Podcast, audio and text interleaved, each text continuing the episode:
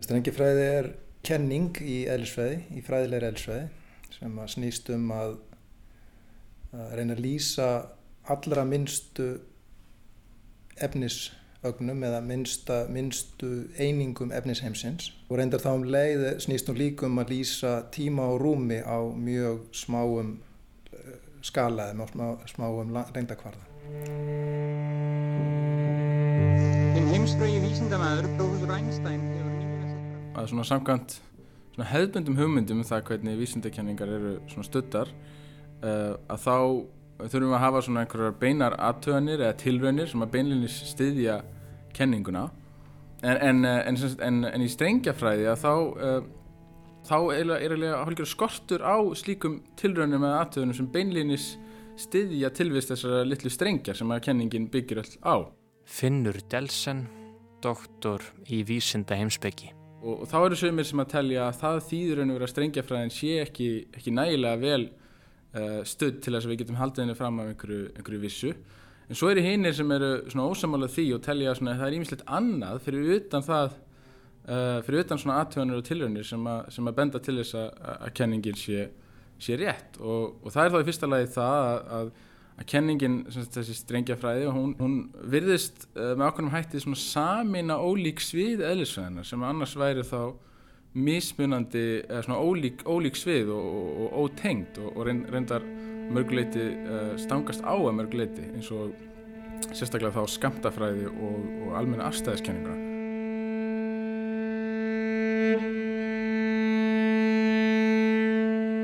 Þetta er kenning sem kom fram sent á sjönda áratug síðust aldar. Lárus Torlasíus, professor í eðlisfræði við Háskóla Íslands. Þá var henni nú reyndar ætlað annað hlutverk, þá var hugsunin svo að, og ég veit að ímislegt þegar mann voru að skoða uh, öreindir sem kallaðir eru og eiginleika þeirra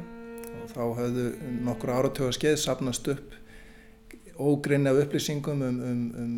mjög fjölbreytta flóru af, af öreindum sem var mjög erfitt að henda reyður á og munum síndist að það væri hægt að átta sig á ákveðnum eiginleika þeirra með því að lýsa þeim sem, sem strengjum, sem sagt með því að lýsa þeim sem að, í staðin fyrir að hugsa um þessum punktlaga agnir að, að, að taka inn í reikningana þær væri hugsanlega strengir og, og eiginleikar þar kæmu þá væri þetta að skilja eiginleikjar út frá mismunandi grunntónum og svo yfir tónum þessara strengja. Þetta voru örsmáir strengir að, og þetta, þetta spilað inn í Eh, skamtafræði sem er svo fræði sem við notum til að lýsa örsmáum einingum. Svo í ljósrændar að, að, að þetta voru kannski ekki besta kenningin til að lýsa öndum, eða þessum eiginleikum öðrundana. Það komu fram aðra kenningar, svo kallega skamtasviðskenningar sem höfðu reyndar lengi verið til en áttu þessu á því að það var hægt að, að útfæra þær á þann vega. Það lýstu mjög vel þeirra elsvæði sem við vorum að velta fyrir sér á þessum tíma.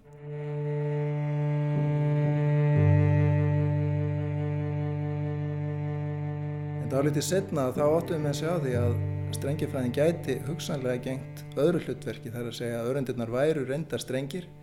en þeir væru rauninni miklu minni heldur um enn hefðu gett sig þeir hugmyndur um þarna í fyrstu umferð. Og þetta væru svona þegar það væri verið að skoða grunn eiginleika tímans og rúmsins eða tímarúms Einsteins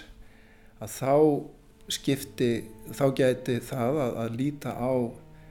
minnstu byggingarengar efnisins sem, sem örsmáa strengi að það hjálpaði manni við að lýsa fræðilega þeim, auðvitað er það náttúrulega fræðilega vangaveltur vegna þess að við höfum enga tilraunir sem að skoða beint þessar minnst, allra minnstu byggingareiningar en það er ímislegt í bæði fræðum og í tilraunum sem henn hafa gert í, á 20. öldinni og, og, og núna á 2001. sem að bendi til þess að það sé í einhverjum skilningi minnsta hugsanlega lengt og styrsti hugsanlegi tími í veröldunni og þessi strengir sem við erum að tala um í nútíma strengjafræði þeir, þeirra kennilengd eða dæmigerða lengd er þessi minnsta lengd, um kvöldu planklengd og þeir sveblast á tíma, sveblutímin hjá þeim er þessi planktími sem er styrsti tímin.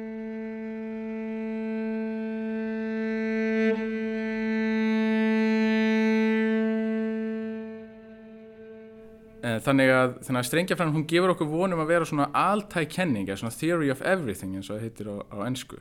Um, og þetta er svona talið vera kenningunni til tekna, jafnvel þótt að skorti svona beinar tilraunir eða aðtöðunir sem, að- sem að styðja tilvist þessar strengja. Já, strengjafræðin er líka einföld eða, eða sparsum í vissum skilningi af því að hérna, kenningin hún, um, hún gerir ekki ráð fyrir tilvist margra ólíkra hluta. Heldur er það bara þessir, þessir strengir, þessir pínlutli strengir sem eiga að skýra í raun og veru mjög margt í alheiminum og þar á meðal hluti eins og, og þingdaraflið og, uh, og samkvæmt strengjafræðina þá er semst ekki til svona, svona margir ólíkir litli hlutir uh, og, og, margir ólíkir kraftar heldur er það bara þessir strengir sem eiga að skýra í raun og veru flest allt í heiminum.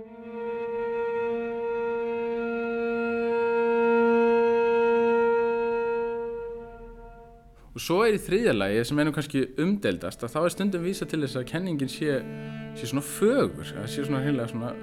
fegur sem að kenningin búi yfir, svona innri fegur, bor, svona svipað eins og til dæmis gerist oft í, í starffræði, starffræðingar halda því fram að, að, að, hérna, að einhverjar sannanir eða, eða jafnvel einhverjar, einhverjar setningar sé alveg sérstaklega fagrar uh, setningar. Og, uh, og að samaskapið þá hefur strengjafræðin verið talin vera svona sérstaklega svona fögur uh, kenningi í einhverjum skilningi. Og, og það er oft talið henni til tekna af, af sumum eðlisfræðingum.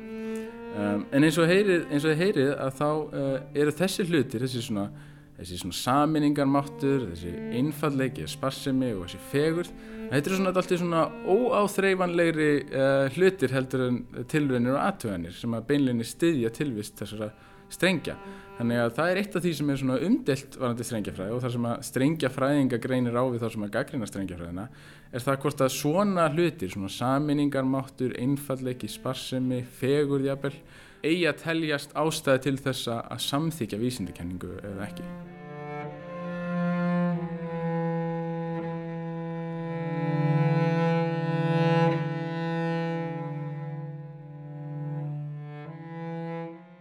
Tala hugustamenn og, og raunvistamenn sama tungumál? Já, það er rosalega góð spurning. Einhver leiti gerir fólk það að því leiti sem við erum að tala bara okkar tungu eins og íslensku og ennsku. Nanna Hlín Haldursdóttir, doktorsnemi í heimsbyggi við Háskóla Íslands. En það er kannski bara svona ákveð, kannski tiltölu afmörku sín á tungumál og jafnvel getur við farið meira út í að tala um kannski ólíkar orðræður sem er svona einhvern veginn þetta orðræður er þetta, er þetta orð sem er nota til þess að lýsa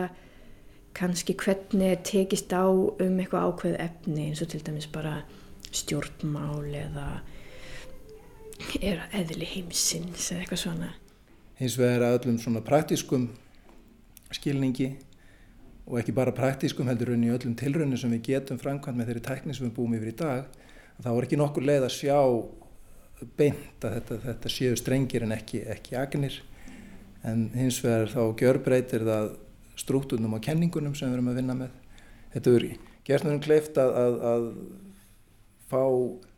niðurstöður út úr útreikningum í kenningum sem að áður í fyrri kenningum gáðu einfallega niðurstöður sem var ekkit viti þar gáðu út stærði sem voru ímest null eða óndanlegar eða bæði og þannig að fyrst og fremst þá hefur strengjafræðin verið verkværi kennilega eðlisfræðinga til þess að reyna að henda reyður á grundvallarspurningum um eðli efnisheimsins og, og, og eðli tíma og rúms. Þú veist vegna þess að þú ert að þjálf sérfræðinga þá ert í raun og veru alltaf að smætta eitthvað efni rúslega mikið. Þú ert í svona mikró orðræðu, þú byr til fleiri og fleiri mikró orðræður og þetta er eitthvað sem að sé til dæmis bara í, í hugvisundum þaðan sem ég kem að þú veist, maður getur algjörlega fest, ég geti til dæmis sem svona ákveðin eh, marxísk fræðkona, ég geti bara farið að rífa sig eitthvað svona 50 mannsett í heimi með eitthvað eitt hugtak í marx skilur sem, veist, sem kannski hefur alveg verið þörf á en ég veit ekki alveg hvort það sé að það þörf á því. Og þetta er svona þessi svona smættunarhyggja sem kannski hefur verið ráðandi í þekkingarleit í háskólasamfélögum sem er á einhvern hátt, þú veist það er gott að að vita svona mikið um sérhafa þekkingu en kannski vantar meira rými til þess að líta á alls konar starri myndir. Og þar kemur akkurat inn þetta með tungumáli það, það er kannski í, í sérhæfingunni í þessum litlu orðuræðum um eitt hugtaki margs eitthvað þannig að þá er kannski fólk búið að eigða svo mikill orku í að bara þjálfa sig upp og mastera ákvæmna orðræðu að það kannski svona er svo hefur kannski bara ekkert skilning þegar það svo hittir fyrir fólk sem er jafnvel að, að hérna, tala um eitthvað svipað en bara í einhverju allt annari orðræði í öðru hérna, umhverfi í öðru til dæmis háskóla umhverfi Það er stundum gerður greinamunir á svona, svona hverstaslegu heimismynd sem við höfum öll, það sem, að, það sem við gerum ráð fyrir að séu til svona borð og stólar og fólk og, og borgir og, og litir og sólskin og svo framvegis. Um, og svo svona einhverju vísindilegri heimsmynd þar sem að þessi hlutir uh, er ekkert, það er endilega verið að gera ráð fyrir tilvist en stóla og borða í einhverjum hefbundi skilningi heldur er eitthvað annað til og samkvæmt strengjafræðinu þá eru bara þessi, þessi litlu strengir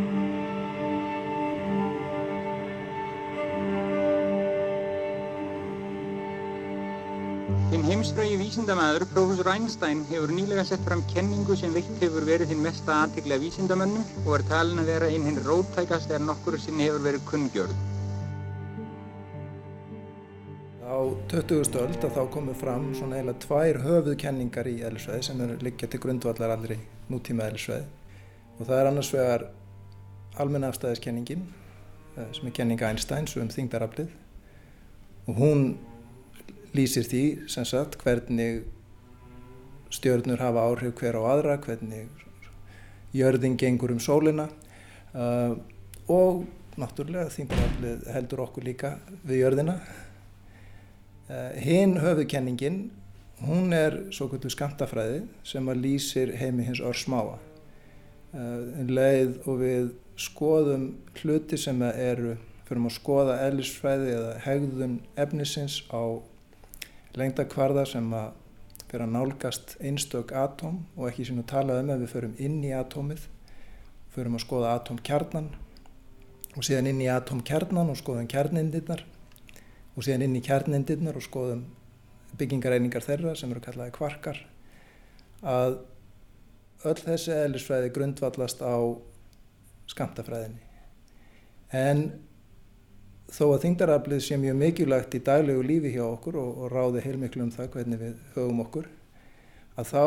þegar við förum að skoða þessar örsmáu lengdir eins og inn í atomkjarnanum þá höfum við ekki þurft að taka með í reikninga áhrif þingdaraflsins svo heiti geti getum við rauninni leitt alveg hjá okkur. Hins vegar er alveg ljóst að ef við myndum halda áfram og skoða á minni og minni lengdakvarða að þá mun þingdaraflið fara að skipta máli aftur. Og það er þessi planks lengd. Hún er reyndar örstutt. Hún er uh, uh, ja, ef við tölum í, í, í metrum og þá er hún það sem kallaði 10 mínus 3050 metrar. Og það er sem sagt 0,00 og svo eru við með 35,0 og svo kemur, kemur eitthvað. Þannig að þetta er örsmátt þetta er miklu miklu stittra heldur en styrstu vegalindi sem við getum skoðað í okkar öflugustu smásjám. Okkar öflugustu smásjár þar heita örundar hraðlar, það er svo öflugast er í, í Særn í Sviss Þar eru við að tala um lengdir sem eru kannski 10 í mínus átjánda þar að segja 0, og svo átján 0. Það eru síðan 17 0 í viðbútt sem við þyrst að bæta við til að komast nýra á strengjakvarðan. En þegar við komum nýra á þessa lengd þá er mjög margt sem bendir til þess að við að, að skamta áhrif gildi um þingdaraflið og, það, og þá þar með um rúm og tíma, sjálf tímarúmið sem við lifum í að ef maður gæti skoða það á svo smáum kvarða þá myndi það allar öllu undarlegu hegðun sem við kannum stuðu á skantafræðinni uh, þar sem að agnir hegðar sér stundum eins og bylgjur og, og svo framvegis hún myndi eiga við um þingdarafli líka og, og hérna og það er semst verið bent á það meðal annars af, af bandaríska heimsbyggnum uh, Wilfrid Sellers að þessi svona vísindilega heimsbyggt hún sé svona hrattir raun og vera fjarlægast þessu hverstaslegu heimsmynd sem, að, sem að við höfum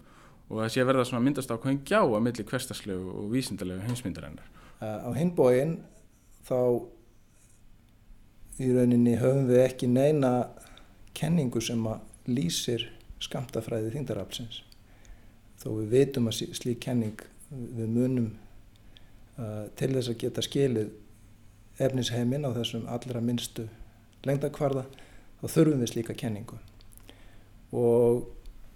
nú má spyrja að akkur tegum maður ekki bara almenna stæðiskenningun og, og beitir aðferðum skamtafræðinar á hennar. Það gafst jú vel þegar við tókum vennilega rafsögufræði, rafsögufræði Maxwells, beittum á hana aðferðum skamtafræði. Uh, þá var til svo kvöldu skamtarafsögufræði sem er sennilega svo eðlisfræði kenning og jæfnvel vísindakenning sem hefur gefið nákvæmustu niðurstöður. Skamtar afsögufræði getur maður sagt fyrir um ákveðinu eiginleika rafindarinnar, svo kallar segulvægi, hennar sem hægt er að mæla óheimi nákvæmlega, það er hægt að mæla það með meiri nákvæmni heldur en flest annað sem hefur verið mælt. Maður getur líka reiknað það út með fræðilegum aðferðum og fræðunum, þessari skamtarafsögufræði og mælingunum, þeim ber saman ekki bara með einum eða tveimur eða þremur aukastöðum, heldur tólf aukastöðum sem er algjörlega uh, einstakt eiginlega í söguvísindana. En það var nú samt ekki þrautalöst að ná þessum árangri. Lengi vel þá var skamtarafsögufræðin gaf í rauninni enga niðurstöðu sem voru gaglegar vegna þess að þegar maður reyndar reikna út þessa stærðir eins og til dæmis þetta segulvægi rafindana þá fengum við út ondalegt og illa skilgrenda niðurstöðu fengum við bara tóma vittlus í rauninni. En það voru síðan mikil vinna sem fór í það um miðja síðustu öld og ellisfræðingar eins og Feynman og Tomonaga og Schwenger sem voru þar í farabrotti og síndu hvernig hægt var í rauninni að fá svör sem að voru ekki bara ekki óendanleg heldur endanleg og í rauninni í þessum skilningi rétt þar að segja að það bar mjög vel sama við uh, niðurstöðu tilhörnuna. Þá leikur beint við að reyna að beita þessum aðferðinu líka á, á afstæðiskenningun og það er nú, Einstein sjálfur var reyndið þetta og, og margir aðrir. En ef maður reynir að beita þeim á almennu afstæðiskenninguna sem að lýsir því hvernig efni hefur áhrif á tíma og rúm og hvernig efnisagnir hreyfast í sveigðu tíma rúmi að þá bregðast þessar aðferðir fænmanns og, og, og félaga þær einfallega virka ekki.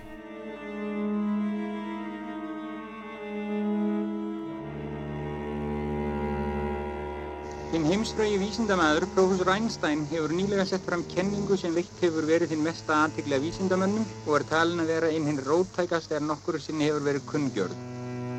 Kenningin er í því fólkin að Einstein heimfærir ljós, þingdarlögmál, rafsegurvall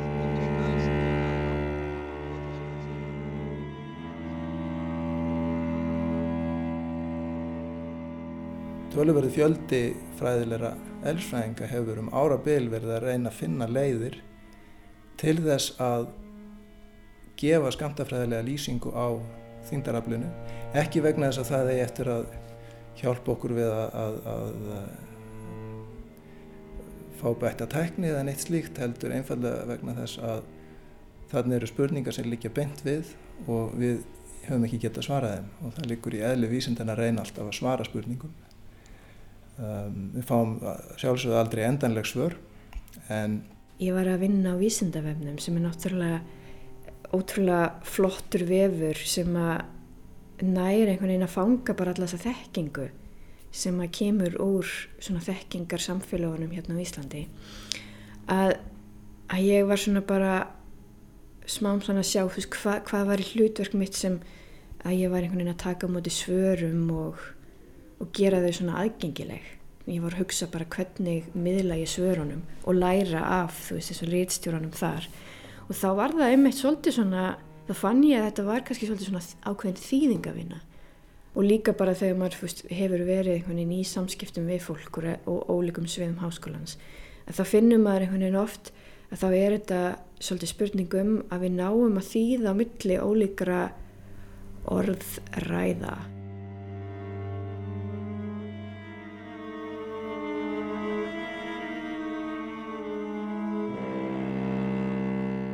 Og þetta er það sem mér finnst svolítið áhugavert. Að ég held nefnilega að, ég held líka að eins og bara í þessu samkeppnis umhverfi eins og ef maður bara skoða hvernig þróunin hefur verið síðustu ár og áratvíi bara allstar í samfélaginu þar sem að það er svona aukin áherslu á samkeppni þar sem allir er einhvern veginn að bítast um afskaplega að fá að byta að þá einhvern veginn svona getur maður svolítið auðveld að fara einhvern veginn í að að vera eitthvað svona hugvísindir betri eða runnvísindir betri. En ég held samt að það sé mjög fáir sem að virkilega hugsa þannig þú veist. En svo samt einhvern veginn að þá kannski vantar svona meiri þýðingu á milli. Að það vantar kannski svona að við skiljum kannski að við erum mjög mikið að gera svona hlutina og við finnum leiðir til þess að gera það sko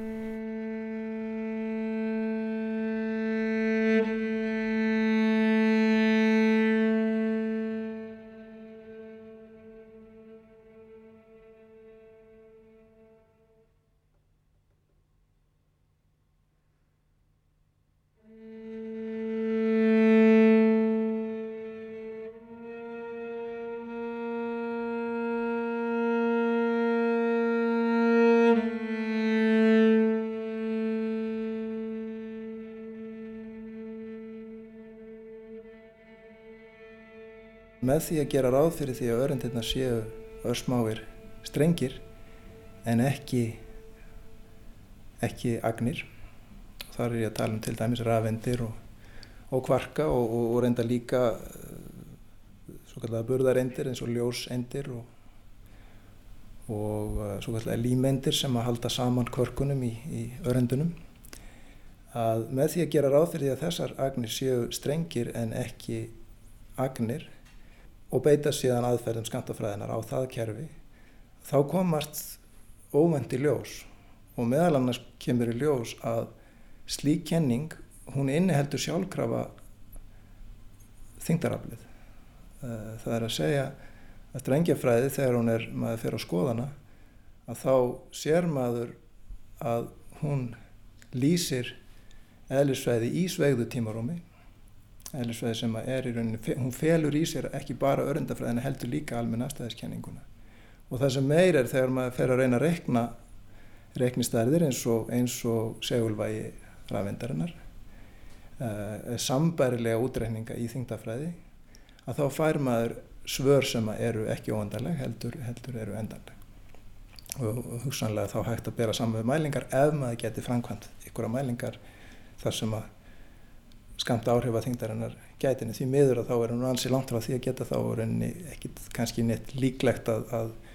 að menni í nokktíman eftir að geta framkvæmt mælingar og svo smá lengta kvarða. Eðlisfræðingar sjálfur og, og margir vísindaheinsbyggingar, ég myndi segja flestir vísindaheinsbyggingar, þeir draga eiginlega þá álíktun að, þessi hverstaslega heinsmynd og hún sé kannski, sé kannski lítið upp úr henni að hafa og við hefum kannski bara að að henda henni á haugana og, og, og aðhyllast á þessar vísindilega heimsmynd frekar. En svo eru svona hinnir sem að, hinnir líka til sem að svona taka, hann líta aðeins öðri sig á, á hlutina og, og segja, já, annars verður höfum við svona þessar vísindilega heimsmynd og hún lýsir hlutunum eins og þeir eru í raun og veru, hlutunum eins og þeir eru í sjálfu sér og svo eru, svo höfum við þessar svona hverstaslega heimsmynd sem lýsir hlutunum svona eins og þeir eru fyrir okkur, eins og við skinnjum það og, og það er samkvæmt þessari hugmynd þá, það er ekki síður önverulegt í einhverjum skilningi. Það er hvernig hlutinni byrtast okkur ef við skinnjum það. Og, og þeir sem að hugsa svona þeir, svona, þeir eru undir miklu áhrifum frá uh, þýska heimsbyggingum Immanuel Kant sem gerði þennan greina með ná hlutum í sjálfu sér og svo hlutum eins og þeir eru skinnjaðir og strengjafræðin hún svona ítir kannski ennþá frekar undir það að, að, að gera þarna greinamun á hlutum svona þessu kvestastlegu venjulegu hlutum, borð og stólar og litir og, og, og svo framvegis og, og svo eh, svona hlutirnir sem eru til í raun og veru samkvæmt okkar, okkar bestu vísindakenningum sem eru þá samkvæmt strengjafræðinu einhverjur, einhverjur pínlitli strengir uh, en ekki, ekki raun og veru þessi hefðbundin svona borð og stólar. Og svo bætist við sem er kannski ennþá alvarlegri ennþá meiri munur á milli þessu hverstarslegu og vísindilega hinsmyndar að ímislegt af því sem við teljum vera satt um það hvernig svona hverstarslegi hlutir hegða sér, til dæmis eins og varandi orsök og afleðingu, að það verist ekki uh, eiga sér stóð í, í hinn vísindilega hinsmyndin sem er að þróast. Þannig svona ímislegt sem við tökum sem gefnum það hvernig heimurinn hegða sér, að það er bara ekki lengur ekki lengur satt samkvæmt, uh, samkvæmt þessari vísindilega heimsmynd eins og eins og nú er að þróast samkvæmt þengjafræði.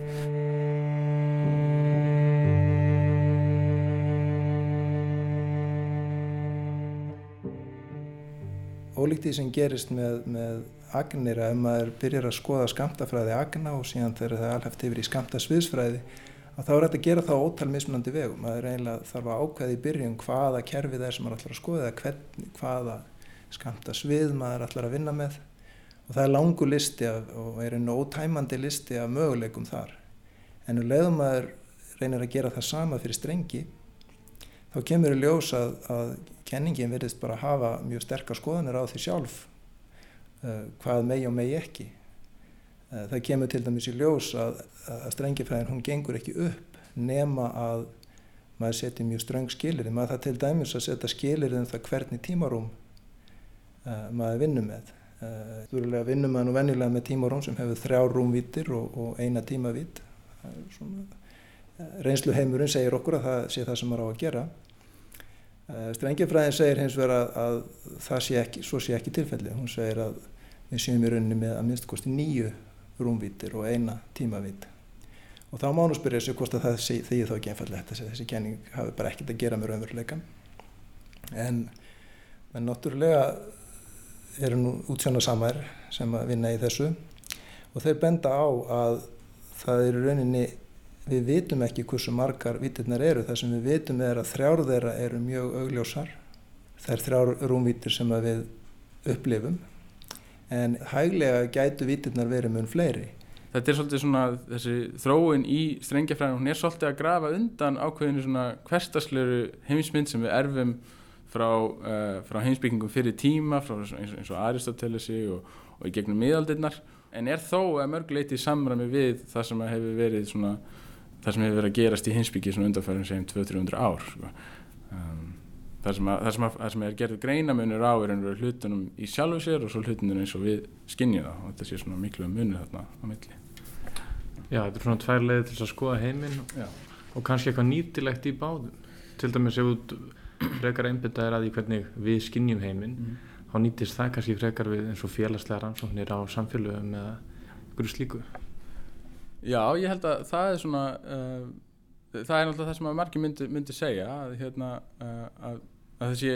hægt að hafa eitthvað upp úr báðum þessum heimsmyndum og, og þeir sem að fylgja kantamálum að þeir myndi segja að, að við hefum alls ekki að gefast upp á, uh, á svona þessari hverstaslega heimsmynd jafnveg þótt að hún samræmist ekki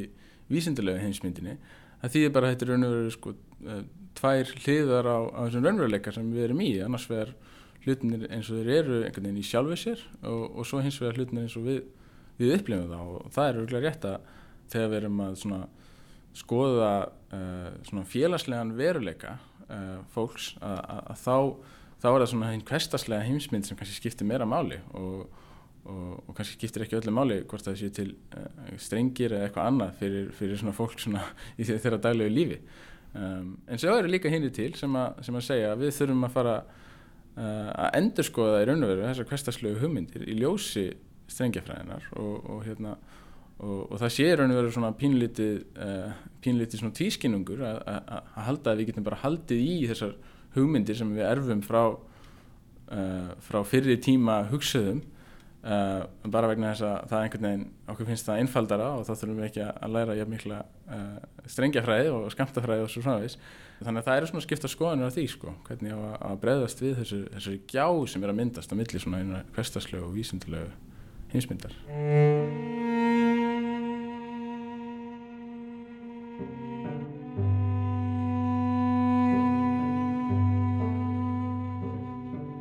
Stóri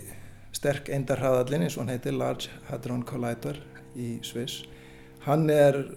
síðast í röð agnarhraðla sem að menn hafa þróað til þess að mitt að kanna heiminn á sem allra styrstum lengdakvarða og það er gert með því að hraða ögnum. Í þessu tilfelli er það rótindir sem eru, henni vettniskjarnar uh, þeim er hraðað í, í, uh, í röri sem er líkur þarna grafið í göng á landamæðurum Sviss og Fraklands Göngin eru 27 km lang og það er semst eitt samfælt rör. Uh, til þess að agnirnar þeim er hraða þar á, á, á þangar til að farnir að nálgast ljósraða mjög. Þetta náðar aldrei alveg ljósraða en um, síðan eru þarna tvær bunur af, af ögnum sem fari í að önnur fer andsælis við hinna í gegnum þetta rör og síðan er þeim beint saman þannig það rekast á, á, á nokkrum stöðum. Og þar eru settir upp mjög voldir agna nemar og það sem gerist síðan er þegar agnirnar rekast saman þá leist úr læðingi öll svo orkar sem er fólkin í hreyfingu þeirra. Og hún getur ummyndast yfir í nýja agnir. Og það var ju eitt af því sem Einstein kend okkur í eftirhæðiskenningunni er að massi agna og er bara eitt byrtingaform orku þannig að það er hægt að ummynda hreyfi orku agna yfir í massa nýra agna og í hverjum áreistri þessara róteinda þá myndast mörg hundruð nýjar agnir eh, sem er nema í þessum stóru agnanemum og átt að segja á því eins og eiginleikum þeirra hvaða agnir þetta eru sem kom út og það erum við síðan allar og hvaða leiðar er á. Og síðan er það rakið aftur og bakk þannig að maður geta lesið í hvað gerist í áreifturinu sjálf hvað gerist þegar einstakka byggingar einingar inni í rótendinu rekast hver á aðra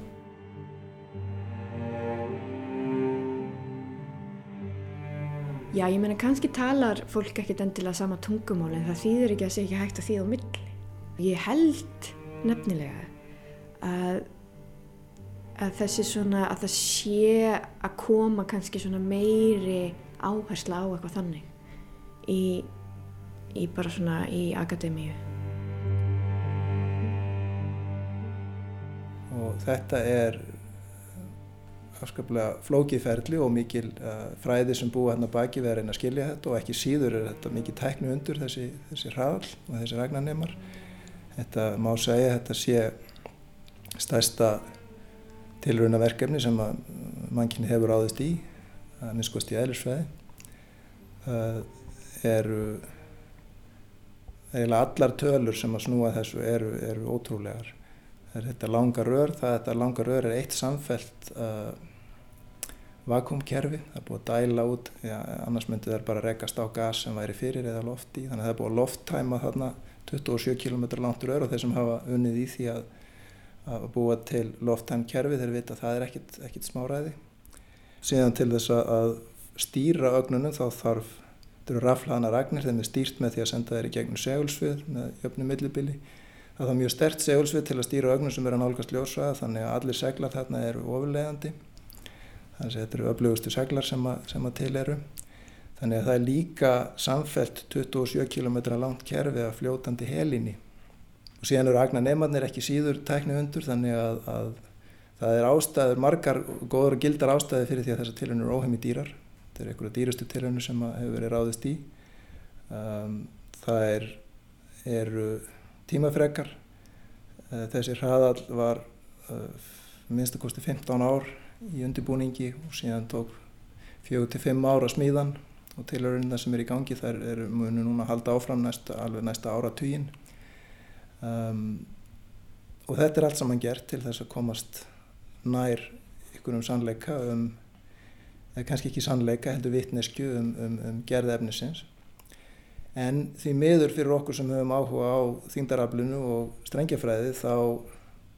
Eh, muni jafnvel þessa tilunir ekki skil okkur nema, nema brota þeirri leið sem við þurfum að komast inn á við til, a, til að fá svör við því hvort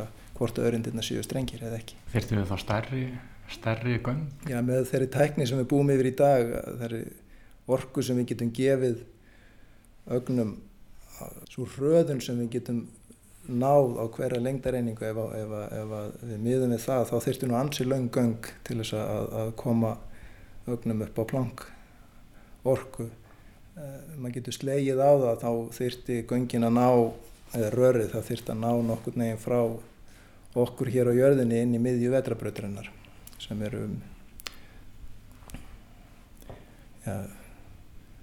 30.000 ljósár þannig að það er náttúrulega alveg ljóst að það er algjörlega ópræktist að við myndum gera eitthvað slíkt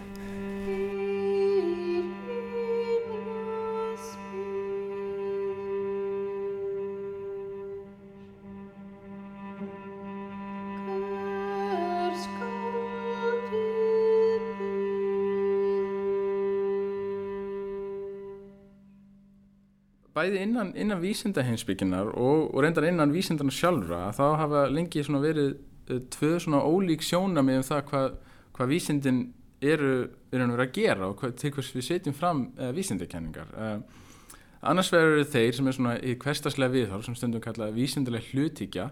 um, að samkvæmt þessu viðhorfi að þá uh, þá eru vísindin bara að reyna að, að uppgöta svona sanna eðli heimsins og reyna að finna skýringar á uh, uh, á hinn og þessu. Uh, en svo er á hinbóin uh, viðhorf sem að nefnist uh, verkfærahyggja og, og samkvæmt verkfærahyggjunni að þá snúast vísindakenningar að raun og veru um að að, hafa einhvern veginn stjórn á heiminum og, og gera forspár um svona áþreifanlega efnislega hluti sem við getum snert og, og skinnjað og, og verkværihyggjan sem lítir sem sagt á vísendikenningar sem eins konar verkfæri til þess að uh, til dæmis smíða betri bíla og, og gera betri tölfur og svo framvegs. Þetta er svona vísendikenningar sem þessu skilningi eru svona, svona verkfæri til að ná fram uh, hinnum á þessum uh, markmiðum okkar strengjafræðin er kannski dálítið vandamál fyrir verkfærahíkina eða, eða samkvæmt verkfærahíkina þá, þá er strengjafræðin kannski frekar gagsluskenning vegna þess að það skortir þessar, þessar beinu tengingu við aðtöðanir og venjulega efnislega hluti í, í strengjafræðina hún er svakalega svona sértæk og, eh, eða abstrakt kenning og, eh, og, og sem slíka þá, þá, þá er kannski hún myndi ekkert gagnast sérstaklega vel einmitt sem verkfæri og þannig að verkfærahyggjan uh, hún viðist svona uh, viðist ekki gera mikið með strengjafræðina um, hluthyggjan á hinn bógin og hún viðist svona skýra af hverju strengjafræðin hefur náðið miklu útbreyslu og raunbjörn vittni að strengjafræðin er svona eins konar tilrönd til þess að koma stað hins hinsta eðli heimsins. Um, en á hinbáina þá, uh, þá er hlutingjarni kannski dálítið vanda með það uh, hvaða skortir uh, skortir svona beinharðar sannanir úr, úr aðtöðunum fyrir, fyrir strengjafræðina og við vissulega munum ekki sannreinana með tilrönum ég held að sjóhætt að segja það nema þá mjög óbeint. Það sem er hægt að hugsa sér að við getum sannreintana út frá kannski ekki tilhörnum heldur aðtögunum þar að segja við höfum upplýsingar um uh, þróun alheimsins og það er allt sem bendir til þess að alheimurinn hafi verið óheimið þéttur og óheimið heitur uh, og í ástandi sem er ekki nokkurn hátt líkt því sem við búum við í dag fyrir um ja, tæplega 14 miljardum ára. Og við sjáum ímislegt sem við getum nömið ímis merki utan úr geimnum uh, sem að er í rauninni endur ómur frá þessari miklu sprengingu sem að heimurinn sprakk fram úr. Og það er nú það má hugsa sér að ef við getum beitt strengjafræði til þess að ráða í upphafið eða ráða í þessu upphafsskilirði sem þessi sprenging spratt fram úr þá er hugsanlega hægt að að sjást þessi einhver merki enþá í, í, í þeirri geyslun og, og, og því sem við sjáum og þeim struktúr sem við sjáum í alheiminum. En sem, sem gerist síðar í sögu alheimsins og þá er ég nú að tala um bara fyrstu sekundubrótin að það er menn er nú svona hóflega bjart sínir á að munum fá einu sinni úr stjórnaðatögunum munum við heldur fá nokkra beinar upplýsingar um það hvort að, hvort að strengjafræðin gefa okkur rétta mynd. Um, af því að ef að hlutíkjan uh, hefur lög að mæla að þá, uh, að, að þá ætti vísindun að snúast um það að komast að hennu sanna eðli heimsins. En ef okkur skortir einhverjar beinharðar aðtöðanir eða, eða tilvönir sem að styðja strengjafræðina þá, að þá má svo svona efast um það að við séum raun og vera að komast að því sanna eðli heimsins frekar en bara svona sem að búa til einhverja svona einhverja mynd sem að bara eintómir í óskíki væri mjög þægilegt fyrir okkur eða, eða, eða gott ef að veri satt. En hlutíkjan hún alltaf hveður á um að, að, að, að vísindu snúast um að uppgöta því sanna eðli heimsins eins og það er í raun og veru. Og því er þetta svona er, er hlutingin alltaf svona vanda þegar kemur að því að að reyna átt að segja á því af hverju strengjafræðin hefur náðið mikil útbreyslu og raunbið vittni ánþess þó að það séu kannski beinar tilraunir að aðtöðanir sem að, sem að staðfestana. Það sem menn hafa þá í staðin uh, reynd að gera er að gera mjög strángar fræðilegar kröfur til þessara, þessara fræða þar að segja að, að, að þau séu starfræðilega vel skilgrend uh, síðan kom ímis annars sjónamið inn hvort þau séu eðlileg og, og í eðlilegu framhaldi af því sem við vitum fyrir nú þekkjum við höfum við mjög vel þróuð fræði sem er þessi skamta sviðsfræði. Almenna afstæðiskenningin er líka kenning sem við höfum mjög góðan skilning á. Við fáum marga vísbendingar úr, úr fræðilegri gerð þessara kenninga. Og ef að strengjafræðin fyrir að segja okkur hluti sem að, að ganga í berhag við það sem við vitum nú þegar úr þessum eldri kenningum að þá er það líka leið sem við höfum til þess að, að ráða í það hversu, hversu góð kenning þetta er. En gæti maður síðan svona mjög tæknilega verkfærahyggju kannski í því hvernig, hvernig vísindamenn nota strengjafræðin sem verkfæri svona teórítist til þess að tengja saman þess að tvær kenningar? Já, það er mjög góð spurning og, hérna, og þannig held ég að verkfærahyggja myndi uh, hugsanlega breyðast við uh, svona gaggrinni á hana að, að hún myndi vantilega segja þetta að það sé ákveðin kostur í því að vera þurfa ekki að nota tvær kenningar eða, eða þrjári eða fjórar það sé að skamtafræði og almenna afstæðiskenninguna og, og kannski fleiri kenningar heldur sé nóg að vera bara með þessa einu, þessa einu strengjafræði. Og, og það sé svona ákveðin uh, ákveðin notagildi í því að geta fækka kenningunum okkar úr tveimur, þreimur, fjórum nýri eina. Og, og þannig þannig það sé svona helstu kostinu þá við strengjafræðina. Alveg óháð því hvort að þessi litli strengi þá séu raun og veru til eða hvort við höfum ástæðis að halda að þeir séu til uh, að þá er það bara svona hefur það ákveði svona, uh, svona pragmatísk eða praktíst gildi að geta sett eina kenningu í stað tekja þryggja eða fjögra uh, þannig að, þannig að það er alveg rétt að, að strengjafræðin og, og sumir hafa, hafa svo sem reynda að verja strengjafæðin á þeim fórsendum að, að uh, úr því að við þurfum að hafa kenningar um heiminn yfirleitt sem að segja okkur hvernig heimurinn kemur til með að hefða sér sá heimur sem við skinnjum og erum í beinum tengslum við að þá er það skarra að vera með, með eina, eina kenningu, strengjafræðina heldur en að vera með margar litla kenningar sem að þar í ofanlag stangast á eða því það virðist sko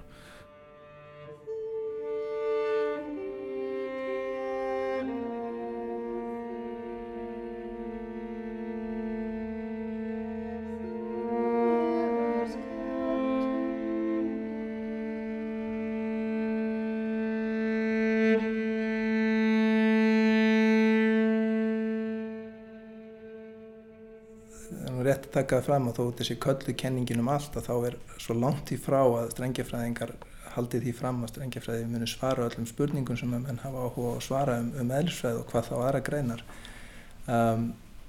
þetta er í rauninni mjög ákveðin viðleikni til að skilja grunn byggingar einingar efnisins, grunn struktúr uh, tíma og rúms.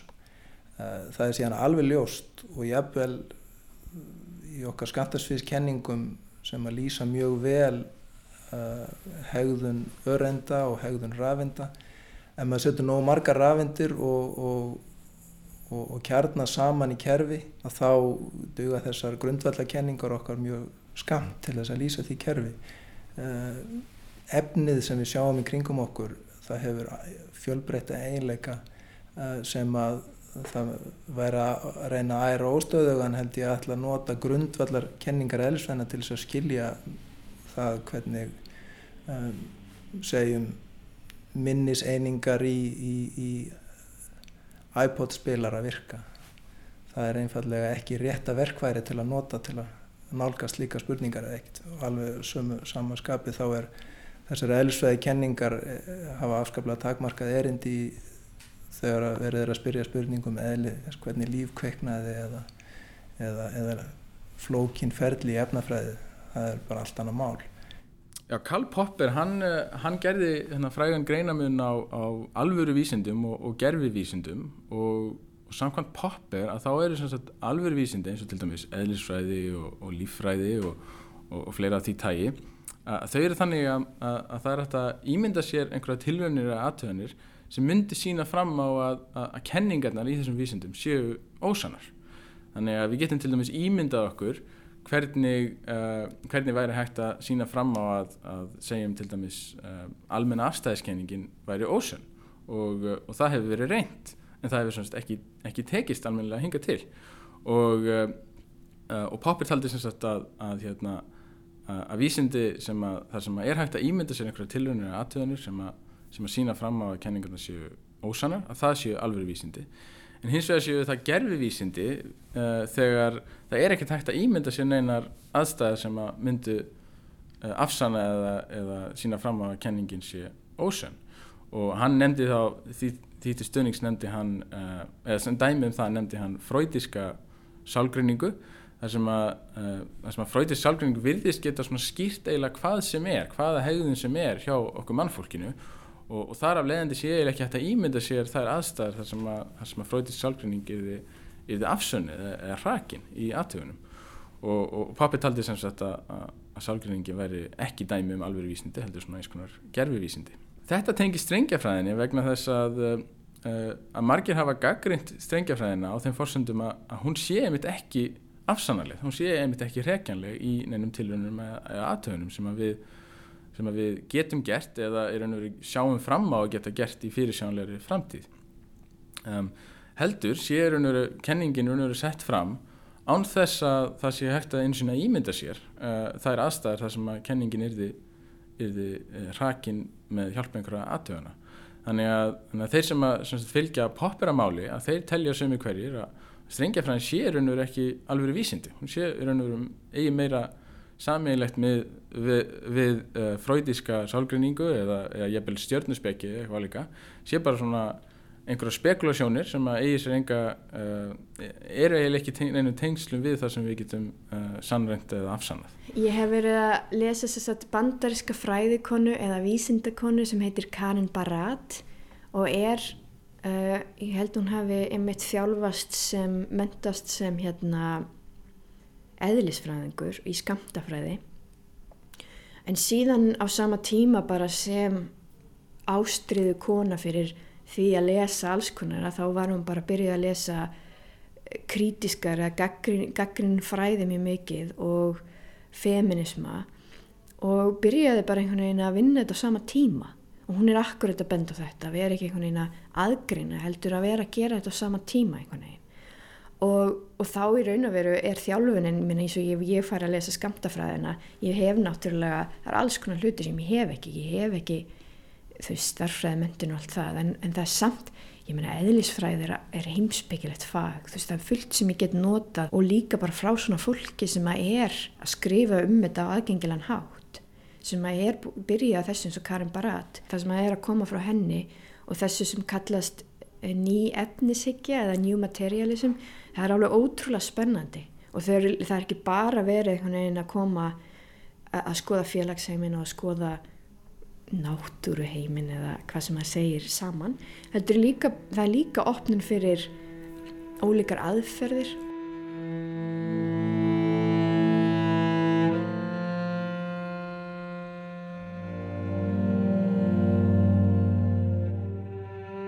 Strengjafræðin hefur líka uh, stundum verið tekinn sem dæmi um það sem að uh, sem að Thomas Kuhn kallaði uh, vísindabildingar. Uh, nú Thomas Kuhn var, var vísindarsagfræðingur og vísindahinsbyggingur sem að skrifaði mjög fræga bók, gerði vísindabildinga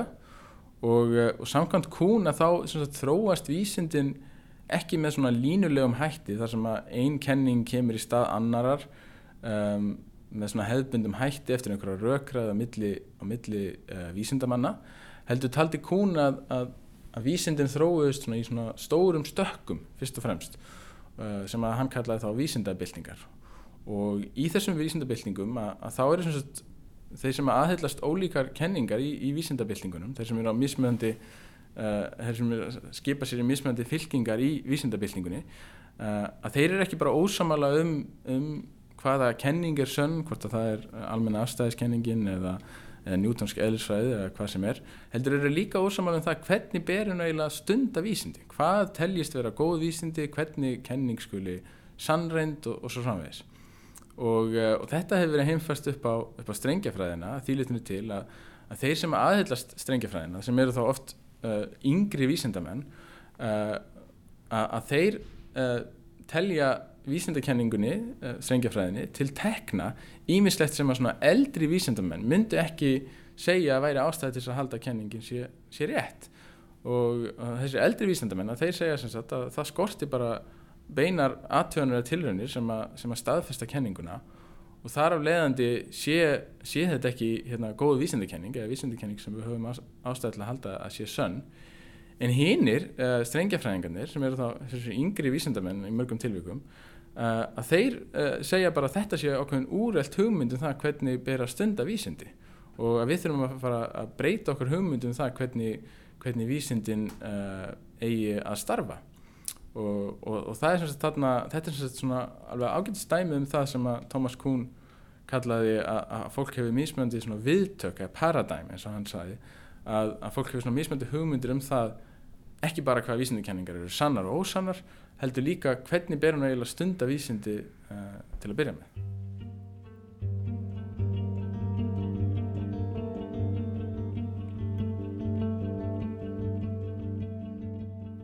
Það er svo mikil hugljómun þegar maður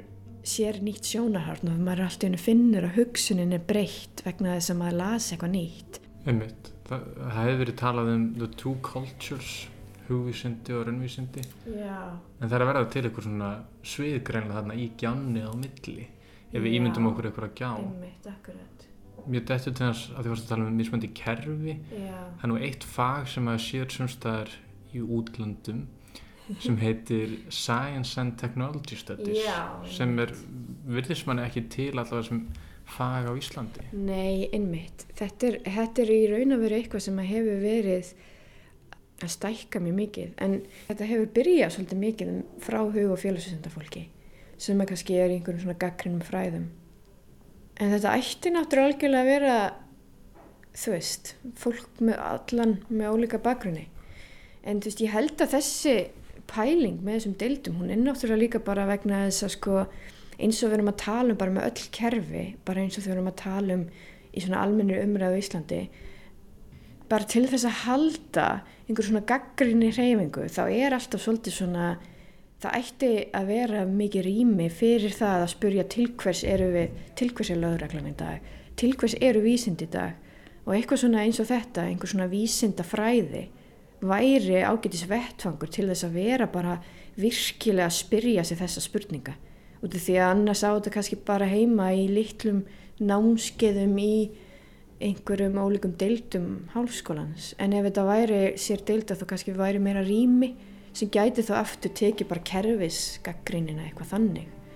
út af því að það er alveg frekar mikilvægt sko. að það reyna að hafa fleira fólki að horfa á makromyndina, þú veist, hvað er að gerast í þessu sem við köllum þekkingakerfið fyrir samfélagin okkar.